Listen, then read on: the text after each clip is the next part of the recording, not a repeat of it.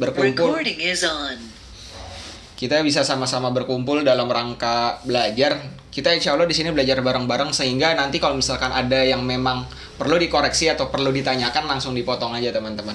Entah via chat entah via sound bebas.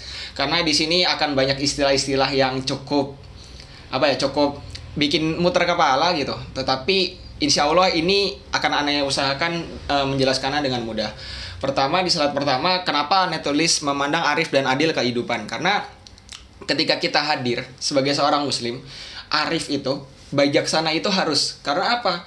Bijaksana adalah bagian dari ajaran Islam. Sedangkan adil adil itu juga termasuk goals dari Islam. Bahkan ketika kita menjadi seorang warga negara Indonesia yang baik kita me- kita me- apa kita mengamalkan kemanusiaan yang adil dan beradab gitu. Jadi sesungguhnya kalau kita baca sejarah Indonesia atau bahkan tentang kepancasilaan ini ini erat kaitannya dengan Islam gitu makanya di dalam bukunya yang berjudul Islam dalam Sejarah dan Kebudayaan Melayu eh, Prof. Alatas mengatakan bahwa Indonesia ini sebenarnya sudah terislamisasi gitu tetapi memang ada masalah-masalah baru yang pada akhirnya tumpuk eh, muncul itu. Kalau kita lihat tujuan pendidikan Indonesia kan juga menciptakan manusia yang insan insan yang bertakwa beriman serta bertakwa. Tetapi aplikasinya lain. Berarti tentu yang bermasalah bukan masa lalu tetapi masa ininya. Dan itu yang harus kita perbaiki. Lanjut Mir.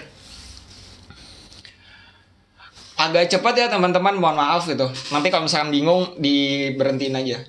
Nah pertama eh, Islamic worldview menurut dua pandangan ya dua pandangan yang mewakili dua dunia di sini pertama Immanuel kan menyampaikan bahwa Islam, worldview worldview itu adalah susunan kepercayaan yang melandasi dan membentuk pemikiran dan tindakan manusia. Di sini kata kuncinya kepercayaan. Nanti kita akan bandingkan dengan apa yang diba- dibaca apa di disuarakan oleh Said Kutub gitu. Said Kutub di satu sisi menyatakan bahwa worldview atau Islamic worldview adalah sekumpulan keyakinan mendasar dalam akal dan hati seorang muslim yang menjadi cara pandang dalam melihat keberadaan alam ini. Memandang Allah yang maha kuasa yang telah menciptakan dan mengaturnya serta melihat hubungan keberadaan alam itu dengan Allah yang maha berkehendak. Di sini kata kuncinya kalau barat kepercayaan, kalau timur itu atau Islam keyakinan. Karena apa? Kalau kepercayaan itu itu biasanya tidak sampai ke hati teman-teman. Kita percaya bahwa eh, kecoa itu warnanya coklat. Itu kita percaya karena apa? Karena dilandasi dengan sesuatu yang bersifat indrawi gitu. Jadi kepercayaan ini terbatas kepada aspek indrawi saja sehingga memang pada akhirnya eh, orang barat ini eh, me- apa ya menafikan peran Tuhan atau menafikan hal-hal yang berbau atau bersifat metafisis gitu Sedangkan di dalam Islam ada keyakinan di mana keyakinan ini letaknya dalam hati. Kan kalau kita berbicara tentang Islam, Islam itu kan tentang sesuatu yang diyakini dalam hati, diucapkan di dalam mulut dan diaplikasikan di dalam kepribadian atau tingkah laku kita sehari-hari. Oleh sebab itu, di sini ada keter, ada keterangan keterangan tambahan dari Syed Muhammad Kutub yaitu memandang Allah yang maha kuasa yang telah menciptakan dan mengaturnya. Nah, Bang, di sini ini adalah konsep Allah sebagai Robi. Tadi ada soal ya eh, Allah sebagai Robi dan sebagai ilah. Nanti kita akan jabarkan lebih lanjut kenapa bisa seperti itu. Serta melihat hubungan keberadaan alam itu dengan Allah yang maha berkehendak. Nah, di sini Allah juga bertindak sebagai Robi. Tetapi di dalam eh, banyak firmannya kan Allah juga mengatakan dirinya sebagai ilah. Bahkan di dalam syahadat kita asyhadu alla ilaha illa Allah gitu. Ilah sebagai ilah. Apa sih bedanya? Nanti kita akan bahas. Lanjut, Mir. Next.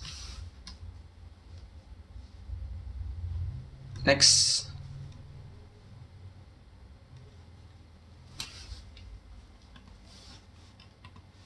Keganti nggak, San? Next, next, next.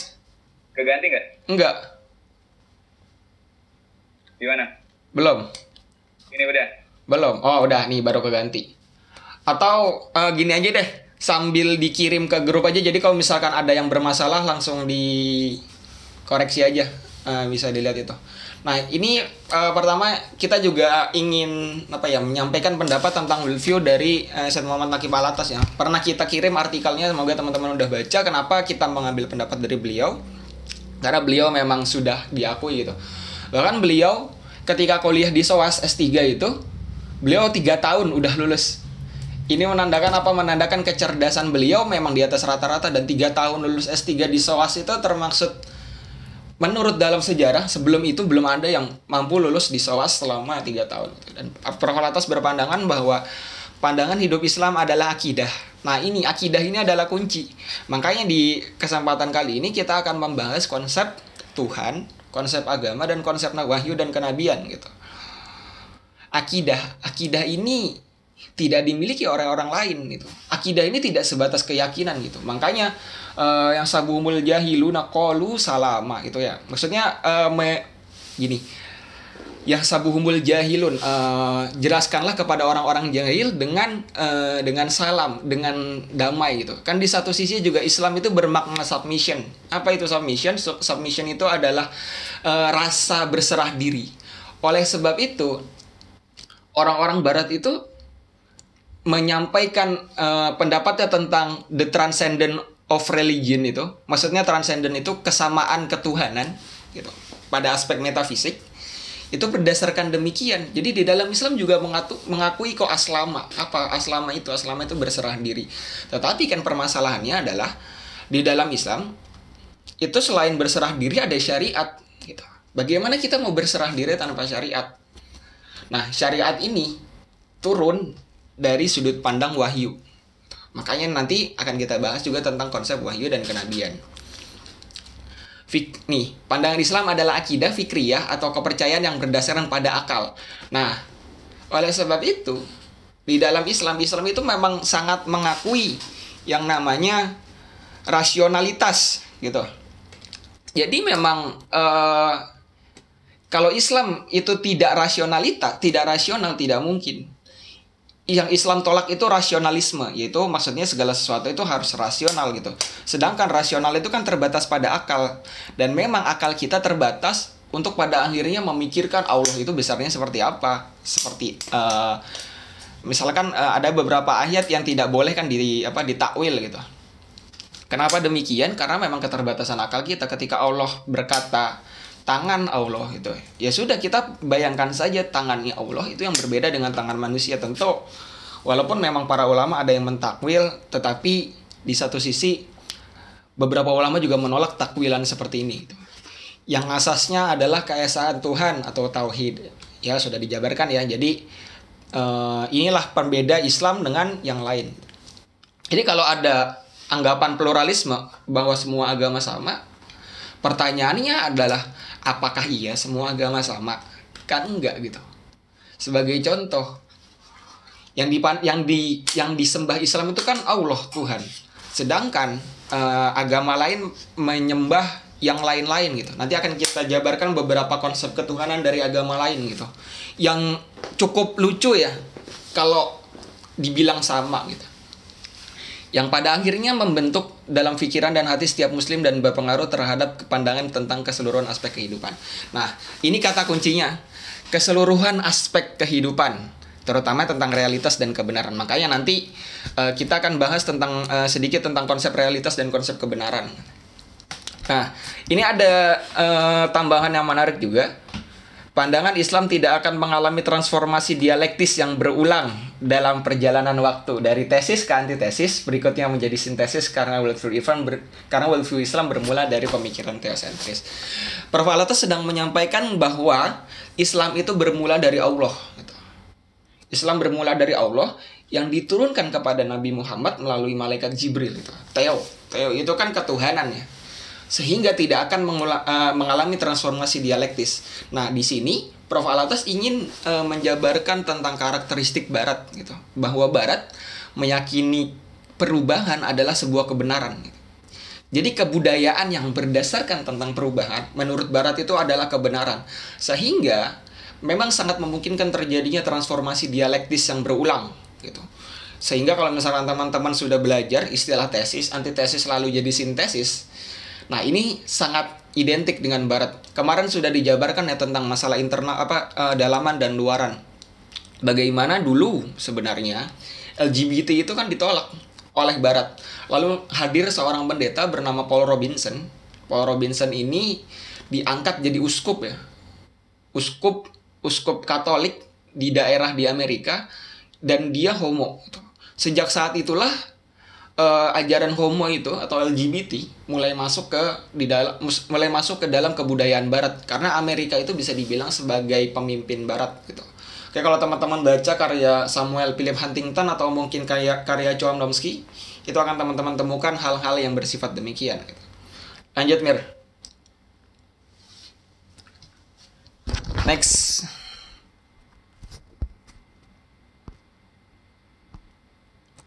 Oke, teman-teman sudah share screennya sudah dikirim ya. Eh, nah, nah ini berikutnya ada penyusun Islamic worldview menurut Prof Nakib Alatas gitu.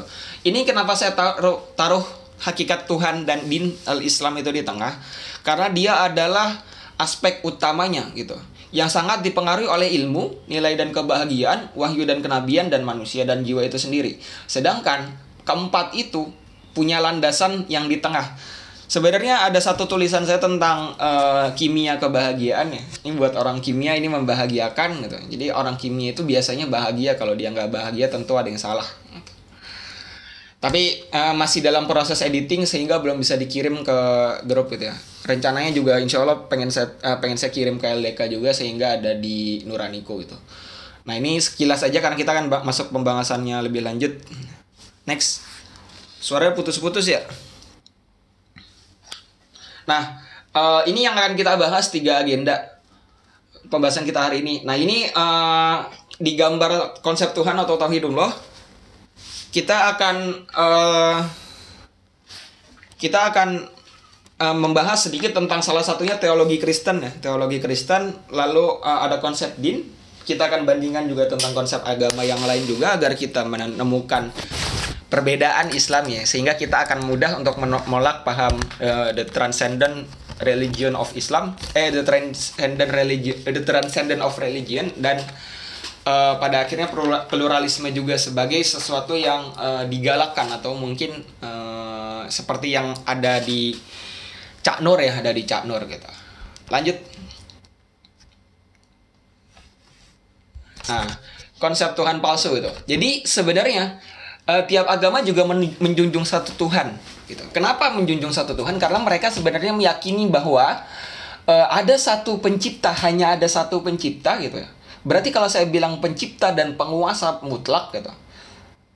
Ini kan sebagai Robbi gitu ya. Sehingga memang memungkinkan eh, pada agama-agama lain itu muncul wakil Tuhan atau mungkin eh, jelmaan-jelmaan seperti dewa gitu. Dan sebenarnya ini juga sedang menjadi permasalahan di dalam dunia Islam gitu.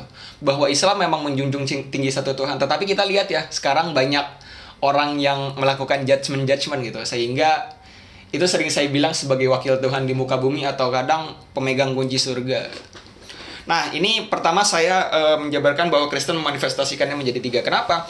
Karena sebenarnya orang-orang Kristen kalau dibilang Tuhannya tiga juga mereka tidak terima. Mereka menganggap itu satu. Dan secara tidak langsung memang eh, orang Kristen ini meyakini bahwa apa yang dari Tuhan itu Tuhan gitu. Sehingga anak Tuhan mereka anggap Tuhan. Ini berikutnya kita kenal sebagai konsep emanasi. Nanti kalau ada eh, kalau ada kesempatan saya akan coba jabarkan tentang apa itu sebenarnya makna emanasi menurut Plato gitu ya. Dan juga menurut eh, Syekh Yusuf Al-Makassari gitu. Tetapi eh, kan gini ya, yang jadi masalah gini. Allah itu eh, Tuhan itu Tuhan puncak dalam agama Kristen ingin mengampuni hambanya dengan cara apa? Dengan cara ia menciptakan eh, anak gitu ya, menciptakan anak, lalu anaknya itu dibunuh sebagai eh, apa ya? Sebagai validitas untuk pengampunan dosa manusia. Kan tidak masuk akal ya, bahkan gitu ya, teman-teman. Kristen ini adalah agama budaya. Kenapa agama budaya? Karena memang mereka selalu berubah gitu. Contoh, tahun 325 Kristen itu mengadakan sebuah konsili bernama Konsili Nisea. Konsili ini menghasilkan satu keputusan yang menurut saya sangat janggal. Konsili ini menghasilkan keputusan bahwa tahun 325 itu Isa, Nabi Isa, itu dalam keyakinan mereka itu disebut sebagai Tuhan bermasalah kan? Bermasalah.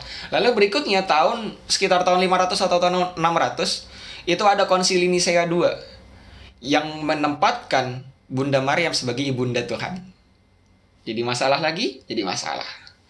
Lalu berikutnya ada sebuah konsili lagi, saya lupa konsili di mana. Kalau nggak salah konsili Genoa, Genoa di Itali. Memutuskan bahwa Ruhul Kudus atau malaikat Jibril sebagai penyampai wahyu itu sebagai Tuhan. Tetapi mereka itu tidak terima kalau Tuhannya disebut tiga.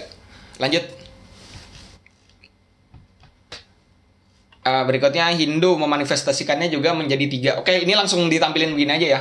Uh, karena gini teman-teman, di dalam Hindu itu kan uh, Tuhannya ada tiga ya Tuhan besarnya mereka karena kalau teman-teman lihat di India gitu di India itu setiap kampung punya Tuhan yang berbeda pun kalau teman-teman lihat Hindu Indonesia dan Hindu India itu beda teman-teman sehingga apa sehingga memang Hindu ini sebenarnya adalah kebudayaan dan bukan agama orang-orang Barat itu salah menjadikan Hindu sebagai agama. Mungkin benar ya kalau misalkan di uh, orang barat uh, sebagai agama. Karena kita belum bahas tentang uh, agama uh, milah dan religion atau mungkin din gitu. Jadi ada tiga uh, Wisnu, Brahmana. Brahmana itu sebagai pencipta, Wisnu itu sebagai pengatur alam dan pengurus alam dan Shiva itu sebagai perusak gitu saya saya membayangkan kalau misalkan Siwa ini ingin merusak, tetapi Wisnu nggak setuju, gitu. Bayangkan bakal terjadi kekacauan apa gitu. Uh, ada pertumpahan darah mungkin, ada pertumpahan darah yang benar-benar uh, besar gitu ya. Tetapi teman-teman, sebelum sampai kepada tiga itu, mereka orang-orang Hindu itu sebenarnya punya satu Tuhan yang lebih tinggi lagi yang bernama Sang Yang Widi gitu ya. Sang Yang Widi ini uh, diturunkan menjadi tiga itu. Saya juga belum gitu paham kenapa jadi tiga. Tetapi tiga ini adalah bahasanya adalah pelaksana teknis gitu. Sedangkan Sang Yang Widi itu sebagai uh, pelaksana filosofis gitu ya atau yang uh, yang memberitakan perintah di atas. Dan saya membayangkan bahwa jikalau tiga Tuhan ini berantem gitu. Tiga. Sedangkan dulu ketua PSSI itu Johar Arifin sama Lanyala itu sudah uh, menimbulkan kekacauan di tubuh PSSI yang besar di mana liga jadi dua Indonesia bisa kalah sama Uni Emirat Arab 8-0 gitu kipernya juga nggak tahu siapa penyerangnya nggak jelas gelandangnya pemain kampung gitu itu yang diakibatkan dari dua ketua PSSI bagaimana jikalau Tuhan sebuah agama dan itu nyata gitu. ada tiga gitu Berikutnya Buddha memanifestasikan menjadi dewa-dewa. Jadi kalau teman-teman baca tentang Sang Buddha atau uh, Siddhartha Gautama, itu mereka itu uh, salah satu uh, Siddhartha itu dewa bukan Tuhan itu. Tuhan yang mereka abstrak, mereka tidak bisa uh, mendefinisikan Tuhan itu seperti apa. Nah, berikutnya Helenisme. Helenisme ini adalah keyakinan Yunani kuno. Kenapa uh, pada akhirnya ini punya konsep unik gitu? Karena gini, pertama uh, dewa terkuat di dalam mitologi Yunani itu kan namanya Zeus ya. Di mana Zeus itu punya anak. Zeus itu punya anak dari Metis gitu. Dan Metis kan dikenal sebagai salah satu dewa kebijaksanaan ya. Dan dewa kebijaksanaan menurut mitologi Yunani adalah ketika dia mampu memprediksikan masa depan. Metis punya pres apa uh, punya prediksi tentang masa depan dan ini benar gitu. Metis suatu ketika mengabarkan kepada Zeus bahwa wahai uh, suamiku, wahai Zeus gitu ya, aku sedang mengandung anak yang lebih kuat darimu. Lalu apa yang dilakukan Zeus? Zeus itu memakan istrinya beserta anaknya. Sehingga otomatis kekuatan dalam Zeus itu nambah dari kekuatan istrinya dan nambah dari kekuatan anaknya yang bakalan kuat ini gitu. Ya sehingga memang Zeus itu kuat dan secara tidak langsung kebijaksanaan Metis ini luntur. Karena apa? Karena ya anaknya dimakan, dia juga dimakan gitu. Berikutnya uh, Zeus itu uh, apa ya uh, di dalam Yunani kuno itu dewa-dewa itu sering digambarkan sesuatu yang tidak serono gitu. Sebagai contoh, Zeus itu menikahi Hera. Di mana Hera itu kakaknya sendiri. Kan uh, tidak tidak masuk akal ya di dalam uh, apa ya di dalam moralitas gitu. Kita sebagai orang Indonesia atau bahkan yang segala macam itu sehingga memang memungkinkan bahwa Barat itu muncul kekacauan dari sini karena mereka bermula dari sini. Dan juga Zeus itu pernah uh, Zeus itu pernah menculik seorang anak gembala untuk apa untuk digauli gitu ya. Uh, untuk digauli. Mohon maaf bahasanya agak ini Nah, di sinilah pada akhirnya muncul ajaran homoseksual di, di barat gitu. Ya mereka menganggap, oh dewanya mereka begitu. Ya, kenapa kita nggak begitu juga? Gitu. Nah, eh, Zeus ini pun ketika dia hidup, dia itu jadi dewa terkuat setelah mengalahkan bapaknya itu si Kronos. Dia mengalahkan bapaknya, dia jadi dewa terkuat. Dan bapaknya juga sebenarnya mengalahkan bapaknya lagi. gitu. Sehingga memang sangat bermasalah. Dan juga Zeus itu punya anak yang bernama yang bernama ini Ares. Ares ini dewa perang yang eh, biadab gitu ya bahasanya. Sehingga memang Ares ini dibenci oleh banyak rakyat Yunani. gitu. Dewa dibenci sama rakyat gitu, nggak masuk akal kan? Nah berikutnya ada Arteres juga. Arteres ini sebagai dewa pelindung. Bayangkan jikalau dewa pelindung ini ribut atau berantem dengan si eh si tadi. Lupa lagi, astagfirullahaladzim. Pasti kan bakal eh, yang satu ingin menjaga, yang satu ingin menghancurkan gitu. Muncul kekacauan. Terus misalkan contoh Zeusnya ikutan. Zeus mihak ke yang ngancurin. Ya udah, hancur gitu. Sehingga memang eh, ini adalah konsep yang sangat bermasalah. Berikutnya ada kejawen dan Sunda Wiritan itu. Kalau keja ini agak mirip ya sebenarnya ya. Kejawen itu kan eh, terpengaruh banget dengan kejawen itu terpengaruh banget dengan ini dengan budaya teosofi. Sehingga eh, kalau kita lihat puncak-puncak kejawen itu kan adanya biasanya di pantai selatan atau mungkin di Yogyakarta karena itu adalah termasuk daerah yang eh, dikuasai Belanda. Walaupun Jogja punya apa ya punya sultan yang cukup kuat sebenarnya kedudukannya di sana. Sehingga tetapi eh, sultan ini sebenarnya sudah terpengaruhi juga dengan ajaran dari kejawen itu sendiri. Sehingga eh ya segala macam lah. Tetapi menariknya teman-teman kejawen ini kan bermula dari Islam ya gitu. jadi Islam kejawen gitu banyak eh, di Jawa gitu di kampung saya bahkan di dekat Gunung Kidul itu yang mengaku agamanya apa? Saya Islam kejawen dengan eh, dengan PD-nya gitu. Karena ini menandakan apa? Jadi Islam itu sudah kuat di Jogja dan sekitarnya dan di Solo dan segala macam di Salatiga dan segala macam gitu. Dan kejawen ini eh, dia menyebutnya Islam kejawen. Karena apa? Pengaruh Islam di dunia Nusantara itu kan di Jogja kan termasuk daerahnya Sunan Kalijogo ya di mana Sunan Kalijogo juga termasuk wali yang sangat dihormati sehingga pengikut-pengikut orang Jogja itu rata-rata tidak mau untuk meninggalkan Islam sehingga ketika muncul ajaran teosofi dia kombinasikan dalam menjadikan ajaran itu kejawen. Kalau Sunda Wiritan agak terbalik ya. Sunda Wiritan itu terpengaruh sekali dengan budaya Kristen. Karena eh, mereka kan memang dekat dengan apa ya, dekat dengan pelabuhan yang dijadikan Belanda sebagai markas.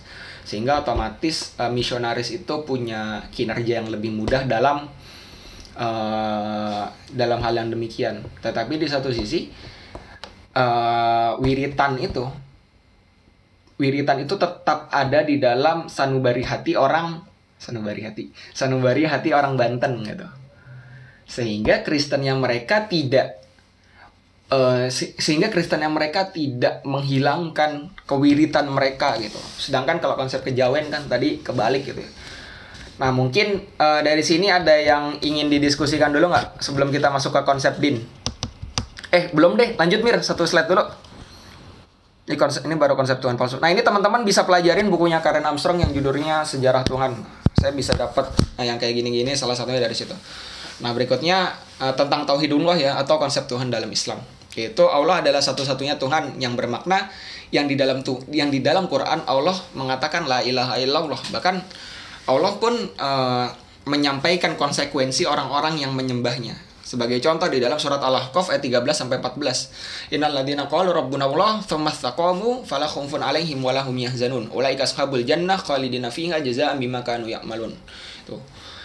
Man qala eh, Innal ladzina qalu rabbuna Allah. Barang siapa yang berkata Tuhan kami Allah tsumma istaqamu kemudian eh, mereka istiqomah. Fala khaufun alaihim walahum yahzanun. Ulaika ashabul jannah. Mereka itu tempatnya di surga. Khalidina fiha. Mereka kekal di dalamnya jazaa'an bima kanu ya'malun. Dan di dalam surat fusilat juga ada ayatnya mirip. Innalladzina qalu rabbuna Allah tsumma tatanazzalu alaihimul malaikah. Jadi intinya barang siapa yang Allah itu barang siapa yang meyakini atau berkata Allah itu Tuhannya dan beristiqomah lalu eh, beristiqomah maka ia akan Allah berikan keterang, ketenangan dari malaikat. Wala tahzanu dan janganlah kalian bersedih gitu. Wabishiru bil jannah dan kami sudah sediakan surga kepada kalian. Jadi tidak perlu eh, ini ada ini termaksud eh, Allah ini termasuk Allah sebagai satu-satunya Tuhan dia mengenalkan dirinya sendiri. Dan juga ini nama yang Allah berikan untuk menyebut zatnya serta ada konsekuensi-konsekuensi di baliknya. Gitu. Konsekuensi-konsekuensi di baliknya yaitu tadi. Barang siapa yang berkata Tuhan kami Allah maka kami akan berikan surga. Yang uh, masalul jannatil ladzi wa'idal muttaqun surat Muhammad ayat 15 fiha anharum mimma in ghairi asin gitu. Wa anharum min labanil lam yatagoyar ta'muh wa anharum min khamril ladzati lisyaribin jadi sungainya itu kayak khamr wa anharum min asalim musaffa dan selanjutnya itu bisa teman-teman baca sendiri di dalam surat Muhammad ayat 15 berikutnya Allah selaku pencipta memiliki sifat yang berbeda dengan ciptaannya. Jadi ketika Allah berfirman gitu ya eh, tangan kami gitu ya tangan Allah maka yakini saja Allah itu memang punya tangan. Tetapi kita jangan sampai terjebak kepada paham mujassimah atau antropomorfisme. Apa yang antropomorfisme? Antropomorfisme itu adalah paham yang menyerupakan Tuhan gitu. Dengan manusia antro dengan eh, menyerupakan eh, paham yang menyerupakan Tuhan dengan manusia kita jangan sampai terjebak kepada paham ini, paham antropomorfisme gitu. Bahwa sesungguhnya al-haqqu mir rabbik fala takunanna minal mumtarin. Kebenaran itu dari Tuhan sehingga memang otomatis Al-Qur'an itu isinya benar semua. Tetapi tentang pemaknaan kita lah yang mungkin kita harus hati-hati terkait itu semua. Berikutnya Allah itu transenden gitu. Apa maksudnya transenden? Allah itu mandiri Allah itu mandiri dan tidak membutuhkan zat untuk bersandar. Sehingga otomatis uh, sehingga otomatis ya memang ini sebagai sifatnya juga ya Allah itu memiliki pencipta dan uh, berbeda dengan ciptaannya gitu. Jadi Allah itu transenden maksudnya gimana ya? Allah itu berdiri sendiri gitu ya. Dan tidak memerlukan bantuan kepada apa pun. Singkatnya seperti itu teman-teman uh, mohon maaf kalau misalkan agak belibet ya karena memang ini termasuk poin yang sulit gitu. Ini ada di majalah Islamia ada satu poin gitu ya. Saya udah baca ini 10 kali tapi belum begitu paham juga sebenarnya makna dari transcendent yang dijabarkan di situ tuh apa itu. Jadi teman mungkin uh, kalau teman-teman ada yang mau baca, teman-teman silakan baca majalah Islamia yang tentang uh, transcendent dari Araniri dan Al Makassari gitu. Teman-teman coba baca mungkin teman-teman bisa lebih paham dari aneh terkait itu. Nah ini berikutnya ada pertanyaan ya. Allah itu ilah atau Robbi gitu. Robbi termasuk bagian dari ilah. Jadi ketika kita berkata asyhadu alla ilaha illallah gitu. Kita itu meyakini bahwa tiada Tuhan yang berhak disembah selain Allah gitu. Submission. Atau kita menyerahkan diri kepada Allah. Sehingga otomatis sehingga otomatis gitu kalau kita mau apa ya kalau kita mau menyembah Allah kita kan butuh panduan dari Allah ya. Sehingga kita butuh ad-din kita butuh Islam dan kita butuh wahyu dari Nabi Muhammad SAW gitu. Jadi ilah il, jadi Robbi ini termaksud bagian dari ilah gitu. Salah satunya tetapi ilah ini memang spesifik untuk menggambarkan bahwa kita ini harus menghamba kepada Allah gitu. Paham ya teman-teman ya? Uh, lanjut ngambil lanjut Nah ini ada konsep agama. Uh, saya coba jelasin satu gambar satu gambar ya. Nah ini berikutnya adalah ciri-ciri agama samawi dan ini saya temukan di dalam buku agama yang mengatakan bahwa Islam, Kristen dan Yu dan Yahudi itu termasuk agama samawi. Berarti tadi teman-teman yang jawab benar salah ya teman-teman. Uh, itu emang agak menjebak dan semoga kalaupun ada yang memang salah eh, semoga ke depannya tidak salah lagi dan yang udah benar semoga makin punya pemahaman yang komplit terhadap hal itu. Nah ini ciri-ciri agama samawi. Tiga agama ini dalam buku ini dianggap samawi. Monoteisme tauhid. Apakah iya? Kan enggak. Tadi sebagaimana Kristen Kristen kan meyakini Tuhannya tiga itu yang kedua disebarkan oleh Rasul. Oh di dalam Kristen enggak. Disebarkan oleh anak Tuhan gitu. Isa Nabi Isa sebagai anak Tuhan adapun nabi-nabi itu seperti Matius eh, Matius Paulus dan ya segala ada ada empat muridnya. Mohon maaf saya lupa ini dan belum sempat dicari lagi gitu. Itu sebenarnya mereka hanya seorang hawariyun atau seorang pembela Nabi Isa. Tapi Paulus bukan ya? Paulus itu bukan. Ada ada empat. Nah, masing-masing menuliskan kitab Injil Matius. Hmm, sebentar ada sedikit masalah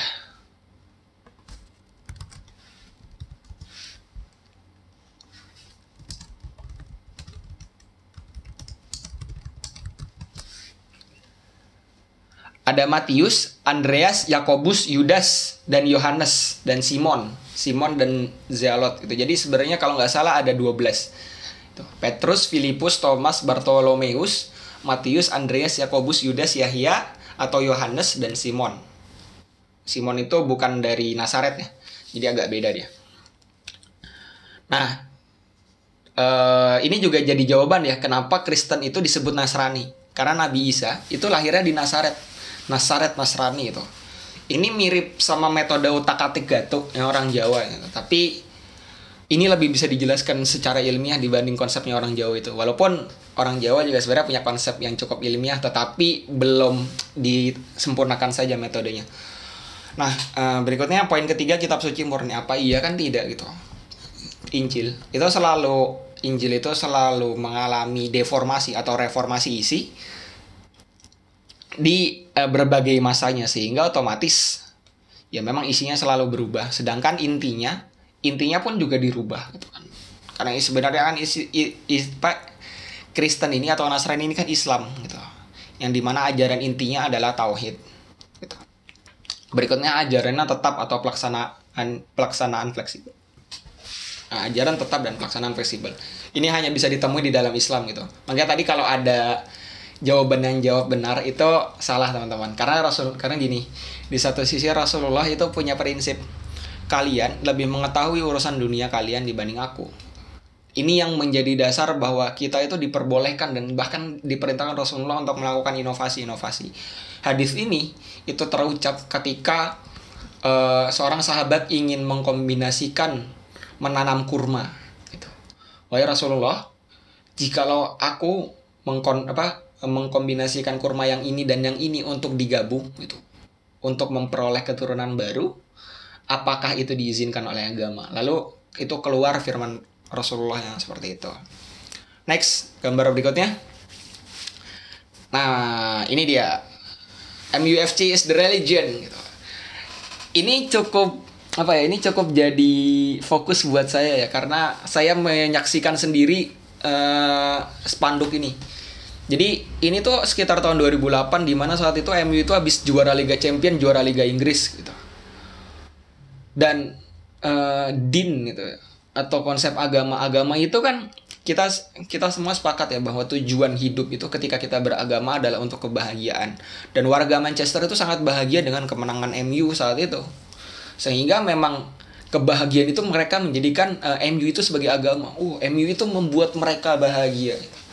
Kemarin eh, saya sempat diskusi juga sama Bang Amir, kenapa tahun 2005 Liverpool tidak menjadikan eh, Liverpool orang Merseyside itu tidak menjadikan Liverpool itu sebagai agama? Eh, jawabannya simple.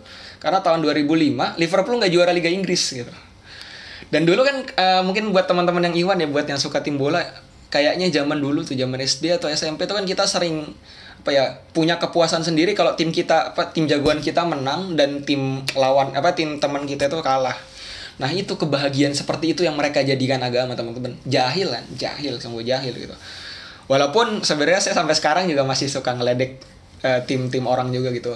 Tetapi ya ini ya hanya berdasarkan untuk bercandaan semata tidak sampai pada meyakini uh, MUFC itu sebagai sebuah agama dan uh, saya juga fans MU dan saya cukup kaget ketika melihat ini dan jawaban atas uh, kok bisa mereka menjadikan sebuah agama itu baru terjawab 11 tahun kemudian itu teman-teman tahun 2019 saya baru bisa menjawab fenomena ini tahun 2019 gitu. Jadi kalau misalnya teman-teman bingung gitu ya boleh jadi memang teman-teman belum belum Allah izinkan untuk mengetahui jawabannya. Sabar terus cari sebut terus cari terus cari hingga pada akhirnya ketemu. Lanjut mir gambar ketiga. Ini gambar ketiga tuh ada nah konsep kepercayaan menurut Yahudi. Nah, ini gambar atas dan gambar bawah itu uh, ada sebuah apa ya? sebuah perbedaan gitu ya. Di mana di sini dituliskan bahwa Yahudi itu monoteisme, tetapi uh, yang di mana yang dinamakan monoteisme itu kan berarti sama ya, di mana-mana satu gitu. Tetapi di sini gitu ada bacaan aliran kedua mempercayai bahwa Tuhan hanya khusus bagi penurut penganut Yahudi saja gitu. Ini berdamat bahwa Tuhan bersifat pembenci dan pembalas dendam kepada semua bangsa selain Yahudi itu. Nah, ini secara tidak langsung teman-teman, ini telah menempatkan agama Yahudi sebagai agama budaya. Karena apa? Yang pantas memeluk Yahudi itu kan hanya orang-orang yang punya keturunan Bani Israel ya. Sehingga kalau teman-teman lihat itu ya, di Indonesia itu kenapa orang Yahudi sedikit bukan saya bu, bukan nggak ada teman-teman. Teman-teman kalau misalkan punya kesempatan untuk ke Manado silakan temu silakan cari itu. Bahwa di sana ada komunitas Yahudi. Karena apa? Karena mereka karena salah satu orang Yahudi karena orang Yahudi itu dulu tahun 1600 dan 1700 itu banyak yang hijrah atau pindah ke Belanda.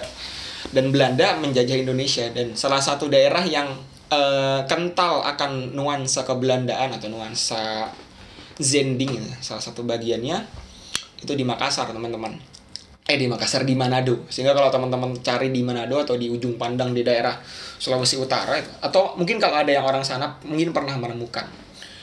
Itu next.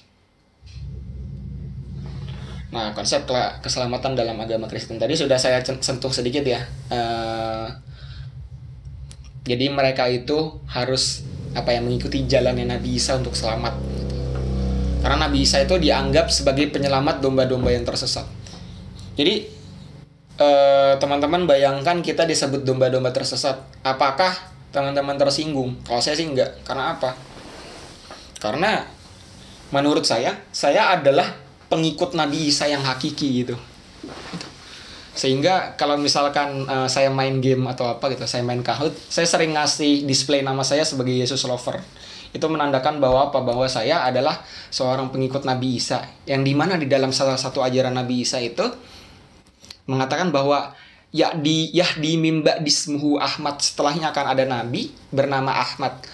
Ahmad Muhammad itu punya kata dasar yang sama yaitu Ahmad. Sehingga memang memungkinkan uh, sehingga memang sebagai pengikut Nabi Muhammad SAW sebagai seorang yang beragama Islam kita memang harusnya uh, kita memang juga salah satu pengikut Nabi Isa karena salah satu ajaran Nabi Isa sebagaimana saya gambarkan tadi gitu. Next gambar terakhir yang di, ada di slide ini. Nah, ini saya menggambarkan kelenteng Konghucu. Eh, saya foto eh, saya kopas foto kelenteng Konghucu. Kenapa kelenteng Konghucu? Karena gini, eh, orang Konghucu ini mengamalkan filsafat Aristoteles tentang kebahagiaan. Bahwa salah satu bahwa kebahagiaan itu adalah konsep bahwa konsep kebahagiaan itu kedisinian gitu. Di sini dan sekarang. Sedangkan kalau Islam di sana dan nanti Nah, kenapa saya tampilkan agama Konghucu? Karena agama Konghucu itu menarik gitu. Ketika agama Konghucu itu diberikan legalisasi oleh Presiden Gus Dur di tahun 2000 ya, 2000 atau 2001, ini menarik gitu. Jadi kan Konghucu itu bermula dari salah satu ajaran ya, yaitu Kongfuce, filsafat Kongfuce. Filsafat Kongfuce itu adalah bagian dari filsafat Lao yang di sebelumnya dijabarkan uh, oleh seorang Cina yang namanya Laosa gitu. Kenapa saya kira kenapa pada akhirnya Konghucu itu menarik? Karena Konghucu itu menjadikan uh, ajaran sosial mereka sebagai puncak dari kebahagiaan gitu. Baik, baik gitu. Tetapi mereka berhenti di situ. Mereka tidak mereka lupa bahwa di balik sana akan ada alam-alam metafisik yang lain gitu. Walaupun sebenarnya eh, Konghucu sendiri meyakini adanya aspek-aspek metafisik, tetapi saya tapi saya juga belum dapat jawaban mengapa pada akhirnya cukup Konfuse ini cukup sampai sini aja gitu. Lanjut. Lanjut. Nah, ini konsep ad-din al-Islam gitu.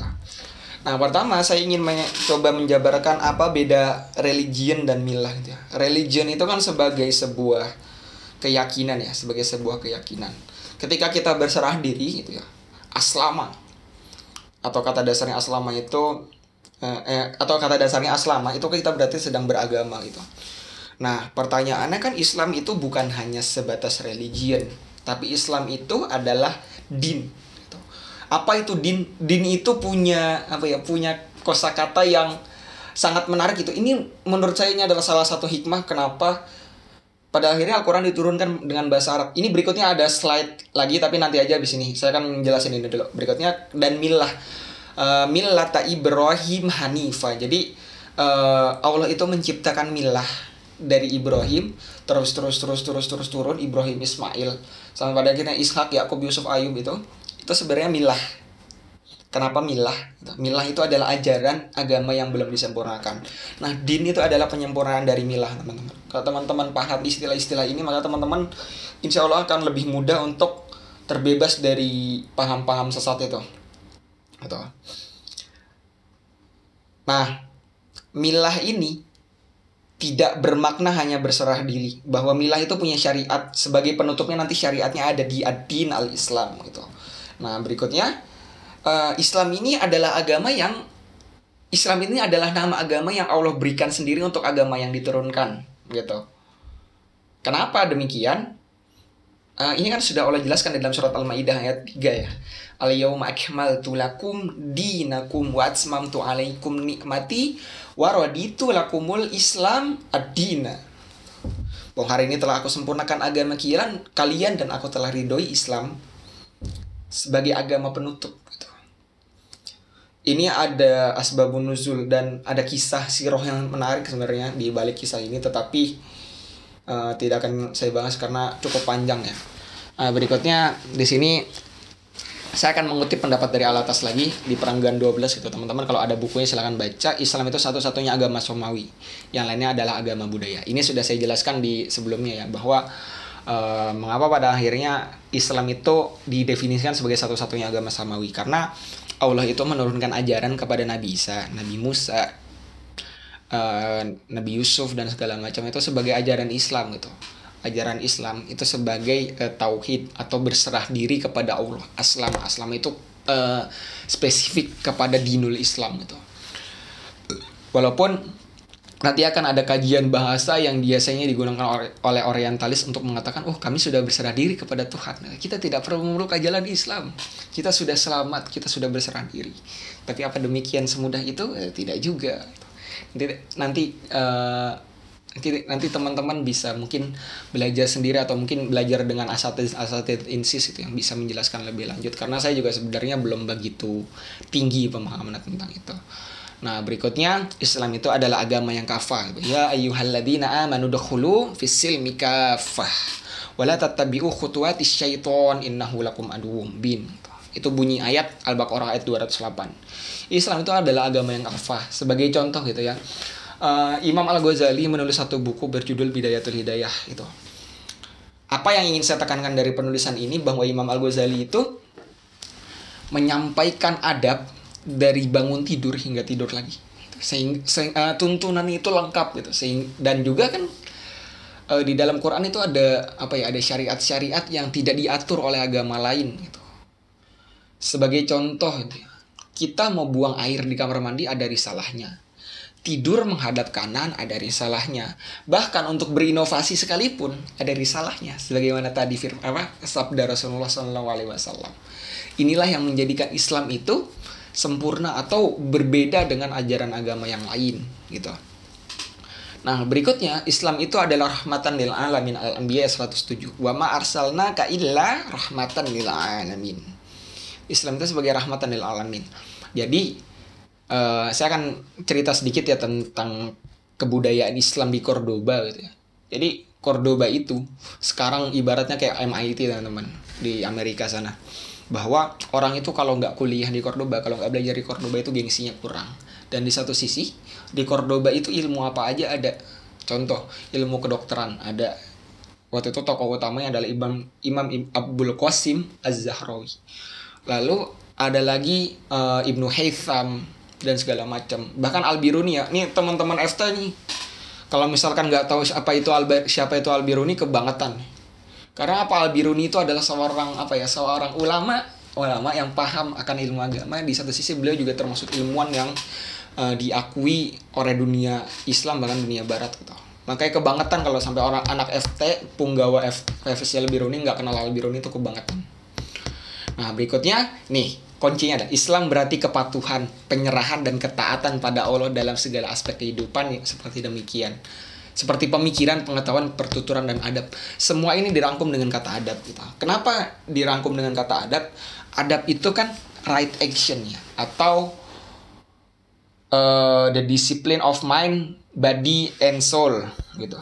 Jadi kita itu disiplin mind, pemikiran, body and soul gitu kenapa uh, kita uh, kenapa kita pada akhirnya disiplin secara uh, gini gini. Disiplin of mind.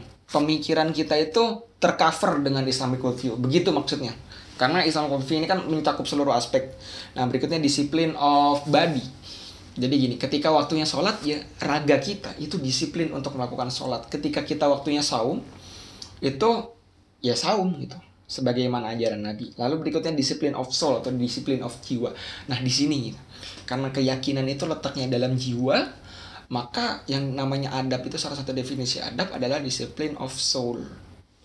Disiplin dari jiwa kita sendiri tersendiri. Nah, ini ada poin terakhir. Poin terakhir itu adalah matlamat tertinggi kehidupan manusia adalah ridho Allah. Jadi, matlamat itu tujuan, tujuan tertinggi itu menggapai ridho Allah. Kenapa menggapai ridho Allah? Karena banyak dari kita yang mungkin uh, berislam dan beriman gitu karena pahala sebenarnya ini tidak salah. Tetapi jangan sampai tetapi gini teman-teman. Jangan sampai lupa bahwa matlamat kehidupan tertinggi kita adalah ridho Allah gitu. Bahwa Allah sesungguhnya tidak memasukkan kita ke dalam surga karena pahalanya. Tidak memasukkan kita ke dalam surga karena kita tidak berdosa. Tetapi apa? Tetapi ridho Allah yang akan mengantarkan kita ke dalam surga. Oleh sebab itu matlamat tertinggi seorang muslim adalah ketika ia mampu mendapatkan ridho Allah Subhanahu wa taala. Next. Kita singkat-singkat aja ya. Nah, ini yang menarik ya. Jadi ini bukan metode otak-atik gato sebagaimana orang Jawa gitu ya. Tetapi ini punya makna masing-masing. Kata dasarnya dan, din. Adin bermula dari dana nafsahu. Apa dana nafsahu itu adalah rasa keberhutangan diri. Gitu ketika kita merasa berhutang gitu kan kita akan mencoba membayarkan utang gitu. sedangkan yang memberi hutang kepada kita yaitu Allah itu punya apa ya punya syariat yang harus kita patuhi gitu sehingga ketika kita menjadi kita sudah um, dana nafsahu itu kita akan uh, menjadi orang yang punya tujuan hidup yang panjang di dunia dan di akhirat berikutnya ini menghasilkan adain. Adain itu adalah orang yang merasa berhutang. Nah, mana dalilnya? Itu uh, di dalam surat Al-A'raf ayat 172. Qalu bala uh, sebentar. Alastu birabbikum qalu bala syahidna gitu.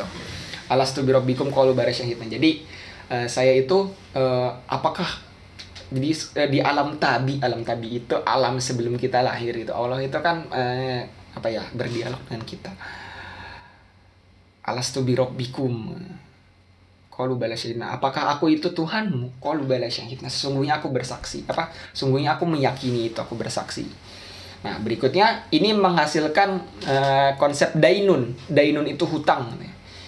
Nah, dana nafsahu dainun nah hutang gitu. ya kalau orang udah berhutang maka otomatis dia akan dayunah merasa berhutang atau menerima resiko gitu jadi kalau kita tidak bisa membayarkan hutang kita ya kita akan menerima resiko yaitu dayanah dayunah itu lalu berikutnya ada yang namanya idanah atau dainah ini sama ya yaitu keyakinan gitu, keyakinan kepada Allah. Jadi hutang, hutang itu menghasilkan keyakinan dalam kita, dalam diri kita untuk membayarkan hutang kepada zat yang memiliki hutang.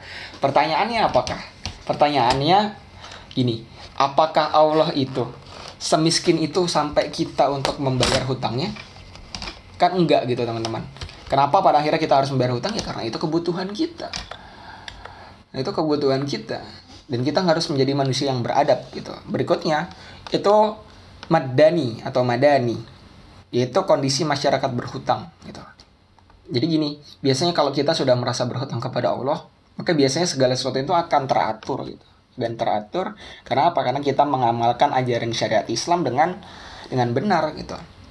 Sehingga tercipta kondisi madani. Lalu berikutnya ad-dayyana, ad-dayyan, mohon maaf. Ad-dayyan itu adalah seorang pemimpin yang memimpin rakyatnya atas hutang tersebut gitu. Atas hutang rakyatnya terhadap Allah Subhanahu wa taala. Nah, di sini itu membutuhkan pemimpin yang benar-benar pemimpin, teman-teman. Sehingga e, nanti akan sehingga rakyat dan pemimpin ini akan e, membentuk kondisi yang namanya madani. Madani itu adalah kerja peradaban atas dasar berhutang jadi kerja peradaban, kerja peradaban itu apa? Memajukan ilmu pengetahuan, menjaga risalah Allah. Kan di satu sisi juga Allah berfirman, "Wa idh qala rabbuka lil malaikat ini jailun fil ardi khalifah."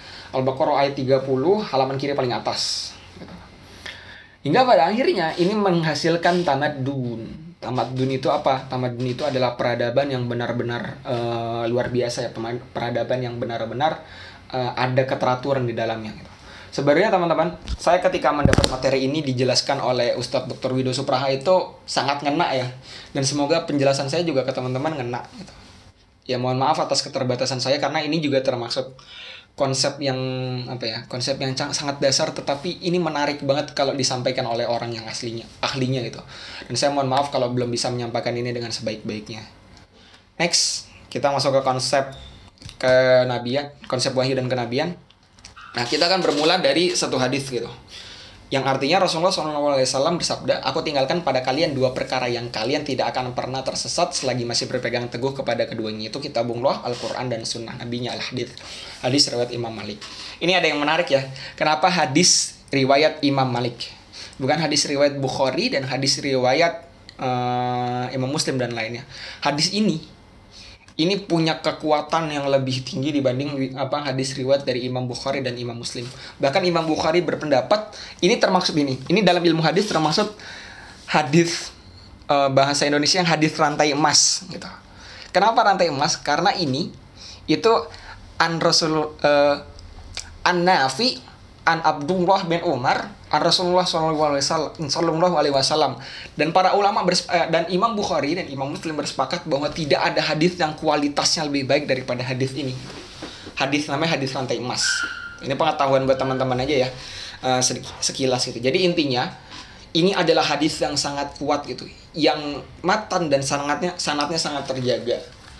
Nah ini saya yakin teman-teman sudah paham tentang hadis ini. Nah lanjut Mir definisi wahyu. Ini kita cepat aja ya, udah waktunya udah sejam karena ini berlebih. Ini sudah sejam saya memaparkan ini, harusnya cuma sejam. Berasal dari kata wahyu yang bermakna memberi ilham atau memberi isyarat itu. Nah, uh, wahyu ini beda dengan ilham ya, bermakna memberi ilham.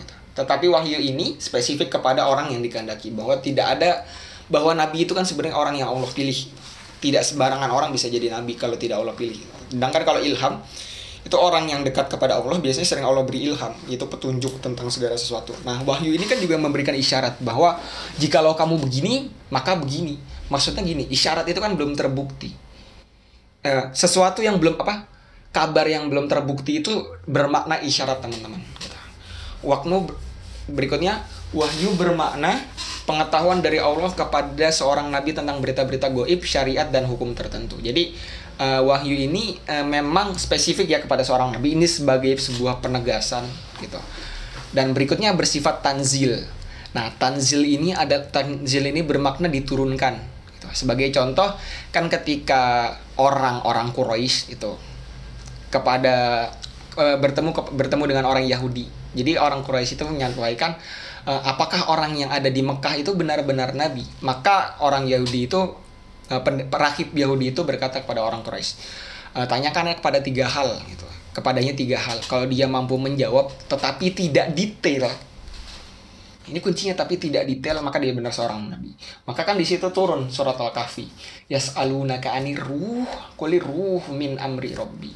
Dan tiga itu yang diminta kan eh, tentang tiga pemuda yaitu Ashabul Kahfi, tentang kisah Zulkarnain the Great, Zulkarnain eh, sebagai penguasa dan juga tentang ruh. Saya memberikan contoh tentang ruh aja. Yas'alunaka anir ruh, quli ruh min amri rabbi. Jadi eh, dan jawaban ini kata orang Yahudi kata rahib tersebut itu membuktikan bahwa Rasulullah itu benar seorang nabi dan yang dibawanya adalah benar eh, wahyu yang benar gitu.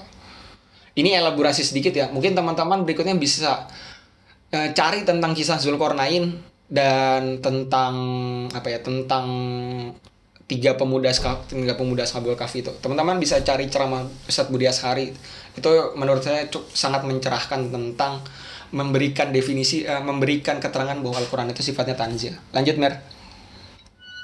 Definisi nabi. Nah, ini berasal dari kata al-nab yang berarti berita eh, yang al-nab berarti berita yang berarti dan penting. Nah, pertanyaannya apakah Quran itu tidak penting? Kan Al-Quran itu penting gitu.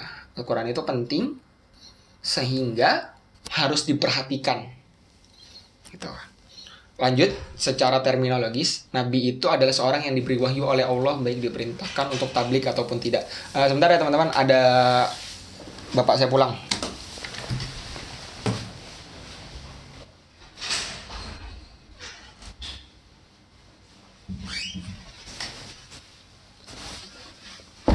Oke lanjut. Eh, Secara terminologis Nabi itu adalah seorang yang diberi wahyu oleh Allah Baik diperintahkan untuk tablik atau tidak. Tetapi eh Ini teman-teman. Kalau sudah Allah berikan Wahyu biasanya kan eh, Menurut pandangan para ulama Itu pasti disampaikan lagi gitu. Jadi Nabi itu punya kewajiban untuk tablik sebenarnya. Jadi ada beberapa pandangan yang mengatakan bahwa seluruh nabi adalah rasul dan seluruh rasul adalah nabi gitu. Tapi kalau dari definisi ini, tetapi kalau definisi bahwa eh, Rasul itu biasanya membawa syariat yang baru. Makanya kan kita lihat ya puasanya kaum puasanya umat Nabi Muhammad dan puasanya Nabi Daud itu beda. Itu karena perbedaan syariat ketika Allah menurunkan eh, risalah kepada nabi-nabinya. Nah, ini berikutnya yang terakhir risalahnya itu berbentuk syariatnya bersifat risalah yang berbentuk syariatnya itu bersifat universal. Kenapa sifatnya universal? Karena gini, kita akan temukan Islam itu di Indonesia dan Islam itu Islam di Arab itu sama sebenarnya teman-teman. Kalaupun mazhabnya berbeda itu kan eh, terkait hal-hal yang furu'iyah ya atau hal yang cabang, tetapi hal usulnya sama. Nah, risalah berbentuk syariatnya bersifat universal. Ini secara tidak langsung sebenarnya kalau kita dalami lagi, ini adalah cara paling mudah untuk menjawab menolak Islam Nusantara ataupun Islam Indonesia itu. Karena kalau misalkan eh, paling simpel ya gini. Apakah orang Padang itu menerima Islam Nusantara? Tidak. Itu. Islam Nusantara itu sesungguhnya Islam Jawa. Kalau teman-teman coba dalami lagi, itu sebenarnya Islam Jawa sehingga Islam Nusantara pun tidak terima di- tidak diterima di Nusantara itu tetapi kalau teman-teman bisa mengelaborasi lebih dalam maka jawabannya akan lebih baik untuk uh, menjawab bahwa Islam Nusantara itu harusnya nggak ada lanjut Nah, ini ada fungsi wahyu dan kenabian. Lanjut, menjelaskan ilmu dan ma'rifat, gitu. menyempurnakan akal dan intelektual, menyelamatkan manusia dari kegelapan dari kegelapan hidup dan menghakimi dan memutuskan perselisihan di masyarakat.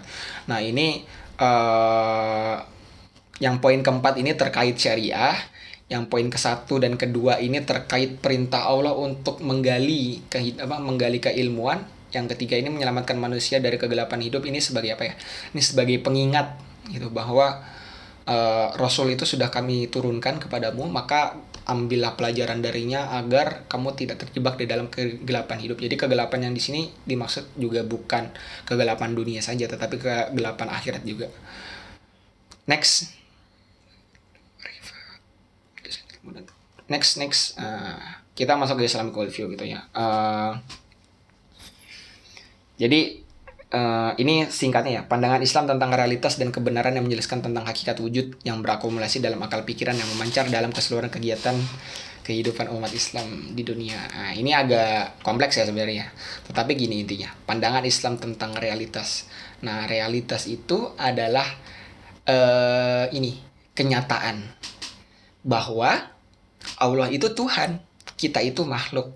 Sehingga kita harus eh, menyembah Tuhan dengan syariat yang telah Tuhan turunkan gitu. Dan kebenaran. Jadi kebenaran ini berbasis di dalam wahyu gitu. Walaupun memang ada beberapa aspek kebenaran yang sifatnya relatif. Kalau kita tinjau dari ilmu usul fikih itu akan ketemu itu. Tetapi kan akan ada yang namanya usul fikih dan furu ya, ada akan ada yang namanya usul dan furu itu. Nah, di sini yang jadi titik tekan. Jadi kebenarannya ini bermula dari teosentris tadi yang saya bilang di awal. Ini tidak terkait dengan hal-hal yang cabang itu kan suatu ketika Rasulullah juga tadi berfirman eh bersabda bahwa eh, kalian itu lebih tahu tentang urusan dunia kalian. Nah, berikutnya yang menjelaskan tentang hakikat wujud yang berakumulasi dalam akal pikiran. Jadi gini, eh, akal pikiran kita akan mampu mendefinisikan apa itu yang ada di alam itu, hakikat wujud. Gitu. Eh, sedangkan gini, hakikat wujud yang ada di alam itu kan ciptaan dari Allah ya. Eh, ciptaan Allah sehingga eh, itu bermula dari apa? Itu berakumulasi, itu terpuncak di dalam akal pikiran. Makanya gini teman-teman, di dalam menyikapi akal dan wahyu, Imam Jua, Imam Juwaini al Haramain, gitu, guru dari Imam Al Ghazali mengatakan bahwa aku itu lebih mengoptimalkan akal, aku aku aku lebih mengedepankan akal. Karena apa? Karena untuk menempatkan ketinggian wahyu gitu. Jadi wahyu itu tempatnya tinggi, sehingga kita butuh sesuatu untuk meninggikan hal tersebut gitu. Nah, berikutnya dan memancar dalam keseluruhan kegiatan kehidupan umat Islam di dunia. Nah, ini terkait amal ya. Jadi eh, Islamic worldview itu selain pada pandangan itu juga mempengaruhi eh, pemi- apa kehidup aspek kehidupan kita atau aspek amaliyah kita. Nah, ini dari rangkuman eh, ini rangkuman yang saya buat secara apa ya, secara renungan gitu ya. Jadi mungkin bisa salah ini saya merangkum dari definisi Al-Maududi dan Syed Kutub dan Muhammad Al Muhammad Nakib Alatas. Next. Nah, ini ada eh, dua kutub ya, dua kutub karakteristik. Sebenarnya tadinya saya mau bikin pertanyaan gitu. Mana yang barat, mana yang Islam, tetapi saya kasih tahu aja. Nah, yang kanan itu Islam, yang kiri itu barat. Ini teman-teman baca sendiri. Nah, gini ya singkatnya menafikan peran Tuhan dalam keragaman fenomena alam melihatnya sebagai dualisme ekstrem yang tidak berpihak kepada yang dan hanya berpihak pada salah satunya gitu. Nah, laki-laki dan perempuan itu dianggap bukan sesuatu yang saling melengkapi, gitu. tapi perempuan itu kan dianggap sebagai lelaki kelas 2 ya, sehingga memang muncul kekacauan gitu. Ruh dan jasad gitu. Mereka itu tidak mempercayai adanya ruh gitu. Tapi adanya jasad, agama, negara itu agama harus dipisahkan dari negara, individu harus dipindahkan dari masyarakat. Eh, akal, nakal, agama, ilmu dan segala macam. Makanya di barat itu kan katanya eh, kalau misalkan kita mau mencapai kesempurnaan sains itu kita harus menjauhkan diri dari agama. Kan nggak gitu ya. Nah, tapi kalau di Islam itu sebagai sebuah sunatullah. Nih teman-teman bisa bisa baca sendiri lah. Ini insya Allah sudah bisa dipahamin. Next. Nah, ini hakikat manusia. Ya saya akan coba jelaskan yang saya tebelin aja ya karena ini sebenarnya jelas gitu. Termanifestasi dalam berbagai aliran seperti rasionalisme empirisisme gitu. nah ini tadi saya bilang ya eh, sebagai seorang muslim kita itu harus eh, menjadi orang yang rasional dan menjadi orang yang empiris itu. Rasional itu berdasarkan kepada akal sedangkan empirisme itu berdasarkan kepada ini eh, indera sehingga kalau kita punya paham rasional kita itu rasional itu harus kita itu empirisme itu harus gitu. Nah rasional itu puncaknya pada akal sebagai sebagai contoh gitu. Akal kita pasti akan menilai bahwa turunnya minyak dunia harusnya berimpak berimpact kepada turunnya harga minyak di Indonesia. Tetapi nyatanya tidak turun. Ini saya ngeri di Ciduk dah ntar Kayak lanjut. Intinya seperti itu ya teman-teman bisa membayangkan ya. Berikutnya empirisisme gitu. Empiri, empiris gitu. Empiris itu kan berdasarkan sesuatu yang dilihat gitu. Sebagai contoh lanjutan dari yang tadi. Direktur Pertamina di Rut Pertamina itu siapa sekarang? Oh, dia. Oh, sehingga teman-teman punya gambaran dari indera ketika melihat ini orang. Oh, dia. Ya wajar aja minyak di Indonesia nggak turun gitu. Ini semoga nggak ada yang nyebarin rekaman saya supaya saya nggak dikiduk. Nah, berikutnya ini ada skeptisisme, agnostisisme, dan relativisme. Nah, ini adalah tiga sifat anti ilmu itu. Kalau teman-teman kalau misalkan ketemu orang yang relatif itu, jangan dijawab pakai dalil. Misalkan contoh, sebagai contoh gini, orang yang ada orang yang bilang gini, tidak ada sesuatu yang benar mutlak, semua itu relatif. Teman-teman jangan jawab pakai al-haqqu mir rabbik minal mumtarin. Enggak ketemu. Bubar yang ada. Tapi gini teman-teman, kalau misalkan ketemu kayak gitu, teman-teman coba tanya balik aja. Omongan Anda yang tadi itu kebenaran mutlak atau relatif? Kalau dia jawab mutlak, dia telah melakukan dualisme. Kalau misalkan dia jawab relatif, ya buat apa gue percaya omongan lu? Nah, kalau skeptisisme itu gini. Eh apa yang Anda bilang itu salah. Kok biasa salah? Ya saya nggak tahu gitu. Nah, orang seperti ini kalau kata teman saya gitu ya, kalau kata teman saya ketua kelas saya di SPI itu lempar aja pakai sepatu. Dan teman saya pernah mempraktikkan hal seperti ini dan uh, kira dia berantem. Ini sebuah cerita yang lucu ketika dia sedang cerita cerita gitu. nah kalau agnotisisme ini aduh apa ya? Ini nanti ya PR ya saya akan jelaskan berikutnya. Saya lupa agnotisisme itu apa. Nah nah berikutnya ini kalau di dalam Islam itu kan sejalan dengan fitrah tidak dikotomis berdasarkan khobar sodik khobar sodik ini uh, kabar yang benar gitu ya ini adalah gambaran dari Al-Quran. Begitu teman-teman singkatnya. Nah ini yang lain bisa teman-teman baca sendiri. Next. Nah ini makna kematian ya sudahlah ya uh, bisa teman-teman sudah teman-teman pahami gitu. Untuk ini untuk mempersingkat waktu aja nggak perlu dijelaskan lagi. Tetapi sebenarnya gini teman-teman uh, orang Barat itu meyakini kematian itu sudah kematian kematian itu ada ada benarnya tetapi karena mereka menganggap ruh itu tidak ada sehingga otomatis jasadnya mati ya udah selesai gitu. Itu alasan mereka pada akhirnya menandakan kehidupan dunia itu udah selesai. Next. Sudah selesai. Oke. Ini slide terakhir mir yang referensi nah ini saya ngambil materinya dari sini buat bikin uh, materi hari ini. Nah, berikutnya silahkan uh, yang ingin diskusi atau ada pertanyaan mungkin.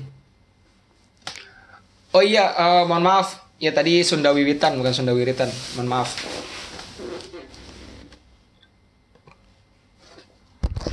Ada yang ingin didiskusikan? Bang Amir coba nyalain mic dulu. Ya, syukur lanjut.